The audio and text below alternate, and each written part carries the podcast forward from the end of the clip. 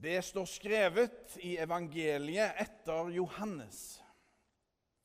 Disiplene gikk til døperen Johannes og sa til ham, 'Rabbi, han som var sammen med deg på den andre siden av Jordan, og som du vitnet om, han døper nå, og alle går til ham.' Johannes svarte, 'Et menneske kan ikke få noe uten at det blir gitt ham fra himmelen.' Dere er selv mine vitner på at jeg sa, jeg er ikke Messias, men jeg er sendt i forveien for ham. Den som har bruden, han er brudgom. Men brudgommens venn, som står og hører på ham, gleder seg stort over å høre brudgommens stemme. Denne gleden er nå blitt min, helt og fullt. Han skal vokse, jeg skal avta.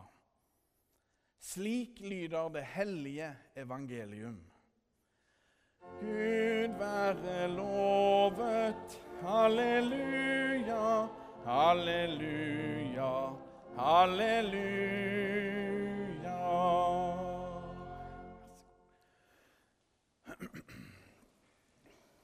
På torsdag i forrige uke så var jeg sammen med mange andre ansatte i kirka her i Stavanger bispedømme på dåpsseminar.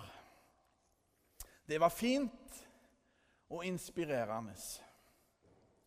Og to representanter fra svenska kyrkan hadde åpningsforedraget. De var meget dyktige. Men de prata skånska. Og det er omtrent sånn som det her.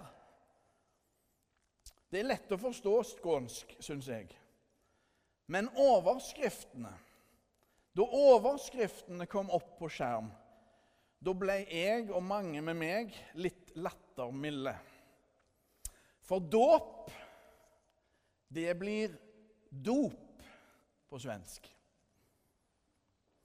Så da de sa 'vi måste prate om dopet', da syntes jeg det var morsomt. Eller eh, 'dop lørdag'. Jo, høres kjekt ut, det. Dropp inn dop. Og så videre og så videre. Og sjøl om det kanskje er litt barnslikt, så klarte jeg ikke å koble ut. Det ble rett og slett for komisk. For i pausen måtte jeg bare fram og spørre om de visste hva dop er på norsk. At det rett og slett er narkotika. Det visste de faktisk. Vi måtte prate om dopet. Nok om det. Uansett språk dreier det seg i dag om at vi skal tenke stort om vår dåp. Den utgjør den store forskjellen, slik Jesus utgjør den store forskjellen. Han som ga oss dåpen, og som virker i dåpen. Dagens prekentekst er rett og slett Galaterbrevet som Åsfrid leste fra lesepulten. Og Paulus skriver i Galaterbrevet om det som den umulige trappa her i Lura kirke viser. At det er umulig for oss å klatre opp til Gud. Å satse på å leve fullkomment, holde alle bud holde Guds lov til punkt og prikke, det er en umulig vei. Det er en fullstendig blindvei som ikke fører fram. Guds bud er gode leveregler og viktige å styre etter. Men budene er ingen frelsesvei. Satsen på Guds bud som frelsesvei er det bare rett og slett som å prøve å løfte seg sjøl etter håret. Det funker ikke. Guds lov gjør oss bare fortvila over vår egen svakhet og vår utilstrekkelighet. Guds lov holder oss i fangenskap. For det er jo det vi er. Syndere og ufullkomne. Vi trenger hjelp for å leve. For vi kan ikke klatre opp den umulige trappa. Vi trenger at Gud kommer til oss. Vi trenger Guds hellige nåde Jesus Kristus. Da først blir det sving på sakene. Den umulige trappa viser oss vår redning. Viser oss evangeliet, den gode nyheten. Gud kommer til oss. Gud er den som handler og kommer til oss. I Jesus. Han gjør det som gjøres skal. Han gir oss sitt frelsesverk. Han dør og oppstår igjen. Og Derfor er dåpen så uendelig mye verdt. Fordi prisen var så uendelig høye.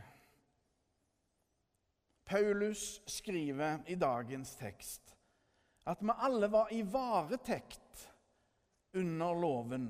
Innestengt, skriver han. Men det var før troen kom. Evangeliet ved Jesus Kristus satte oss fri. I dåpens nåde er vi nå kledd i Kristus. Her er det ingen forskjell lenger. Slave eller fri mann eller kvinne. Vi er alle én i Kristus Jesus. Så store ting skjer i troen, den gaven som ble gitt oss alle i dåpen en gang.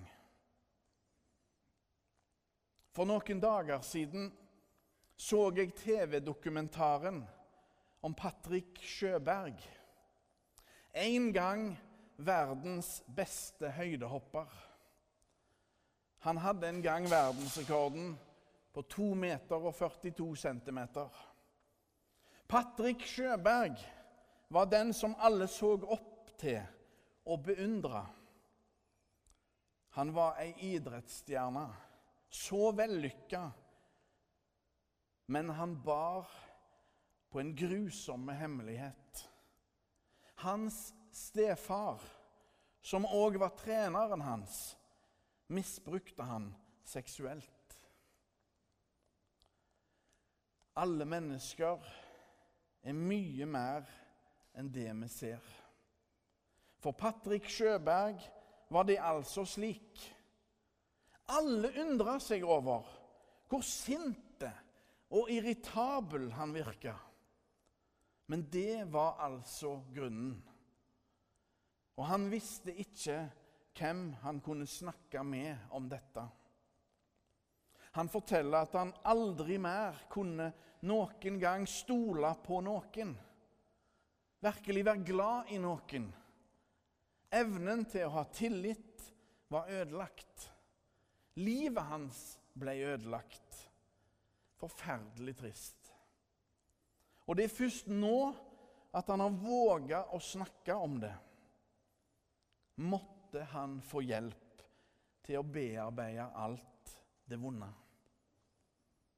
Historien om Sjøberg viser at alle mennesker er mye mer enn det vi ser. For alle som har tunge ting å bære på, er det viktig å snakke om det. Bearbeide, som det heter. Bare der ligger håpet om å få slippe taket i det som er vondt. Hva var det som fikk våre foreldre til å bære oss til dåpen? Jeg spurte en gang min mor om hvorfor jeg ble døpt. Tradisjon, svarte mamma. Så kan det være at den gode tradisjonen for noen er grunn god nok. Uansett er det mer å hente enn vann og tradisjon i dåpen. Her er selve livet. Vi blir merka av Jesus i dåpen. Gjort til hans eiendom. Merka for livet. Det er det allmenne prestedømmet vi døpes til. Min 25-årsdag som prest var på torsdag 31. mai. En oppvakt og oppmerksomme person her i Lura menighet sendte meg en gratulasjons-SMS på sjølve dagen. Det var svært hyggelig. Men egentlig ligger det en prestevigsel i dåpen. Alle døpte er prester i vår lutherske tradisjon. Derfor er dåpskjolen altfor lang, fordi vi symbolsk skal vokse i troen og presteskapet vi blir innvia til i dåpen. En fin, liten blome skal vi snart synge. Den flotte salme som Bjørn Eidsvåg satte melodi til da han var bare 14 år gammel. Her hører vi i den salmen om den kledningen vi alle er gitt. Dåpens kledning. Den kledning som gjør oss til Guds barn ved troen på Jesus. Det er Han som har satt oss fri. Vi fikk i dåpen en kledning som holder hele livet og like inn i evigheten. Dåpen vår er større enn vi kan ane. Vannet er et synlig tegn på Guds usynlige kjærlighet. Og det samme med nattverden. I brød og vinen får vi oppleve konkret Jesus og hans kjærlighet til stede. Guds kjærlighet gjelder alle mennesker. Vi skal slippe å klatre opp, og i det hele tatt prøve å klatre opp den umulige trappa. Det er en blind vei. Nei, vårt håp er å finne hos Jesus. Han er den sterkeste. Da vi ble døpt, ga han oss en himmel over livet og satte sitt hellige korsmerke på oss, merka for livet. Ære være Faderen og Sønnen og Den hellige ånd, som var og er og blir en sann Gud fra evighet og til evighet. Amen.